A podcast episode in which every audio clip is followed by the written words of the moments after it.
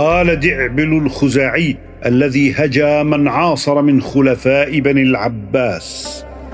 ثامنهم كلب يهجو المعتصم. بكى لشتات الدين مكتئب صب وفاض بفرط الدمع من عينه غرب. وقام إمام لم يكن ذا هداية فليس له دين وليس له لب. ملوك بني العباس في الكتب سبعة. ولم تأتنا عن ثامن لهم كتب.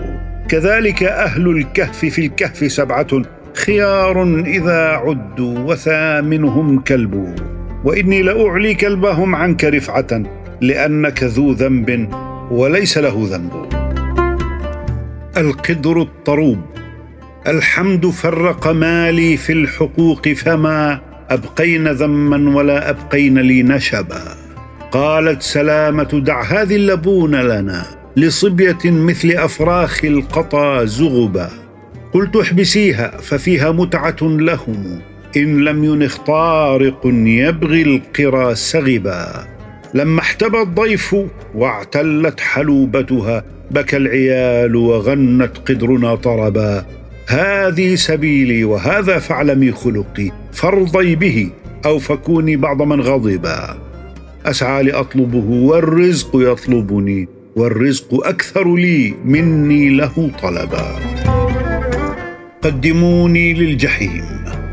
إنما العيش في منادمة الإخوان لا في الجلوس عند الكعاب وبصرف كأنها ألسن البرق. إذا استعرضت رقيق السحاب إن تكونوا تركتم لذة العيش حذار العقاب يوم العقاب. فدعوني وما ألذ وأهوى وادفعوا بي في نحر يوم الحساب. مدارس آيات هذه قصيدة دعبل التي أنشدها علي بن موسى الرضا الإمام الثامن. مدارس آيات خلت من تلاوة ومنزل وحي مقفر العرصات لآل رسول الله بالخيف من منن. وبالركن والتعريف والجمرات. قفا نسال الدار التي خف أهلها متى عهدها بالصوم والصلوات. وأين الأولى شطت بهم غربة النوى؟ أفانين في الآفاق مفترقات. وما الناس إلا حاسد ومكذب ومضطغن ذو إحنة وترات إذا ذكروا قتلى ببدر وخيبر ويوم حنين أسبل العبرات وكيف يحبون النبي وأهله وقد تركوا أحشاءهم وغيرات. لقد لاينوه في المقال واضمروا قلوبا على الأحقاد منطويات. ملامك في أهل النبي فإنهم أحباي ما عاشوا وأهل ثقاتي فيا رب زدني من يقيني بصيرة وزد حبهم يا رب في حسناتي. أرى فيئهم في غيرهم متقسما وأيديهم من فيئهم صفرات. فآل رسول الله نحف جسومهم وآل زياد حفل القصرات. إذا وتروا مدوا إلى واتريهم اكفا عن الأوتار منقبضات. سأقصر نفسي جاهدا عن جدالهم كفاني ما ألقى من العبرات. أحاول نقل الشمس من مستقرها وإسماع أحجار من الصليدات فمن عارف لم ينتفع ومعاند يميل مع الأهواء والشهوات. قصاراي منهم أن أؤوب بغصة تردد بين الصدر واللهوات.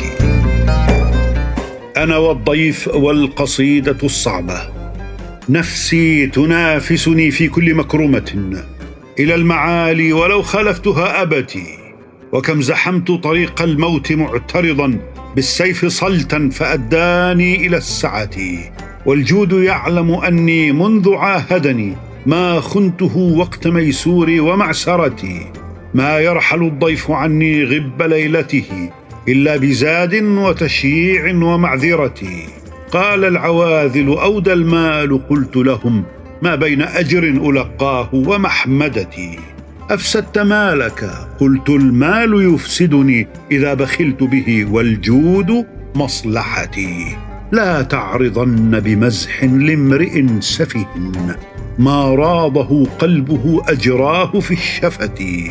فرب قافية بالمزح جارية مشبوبة لم ترد انماءها نمتي إني إذا قلت بيتا مات قائله ومن يقال له والبيت لم يمت.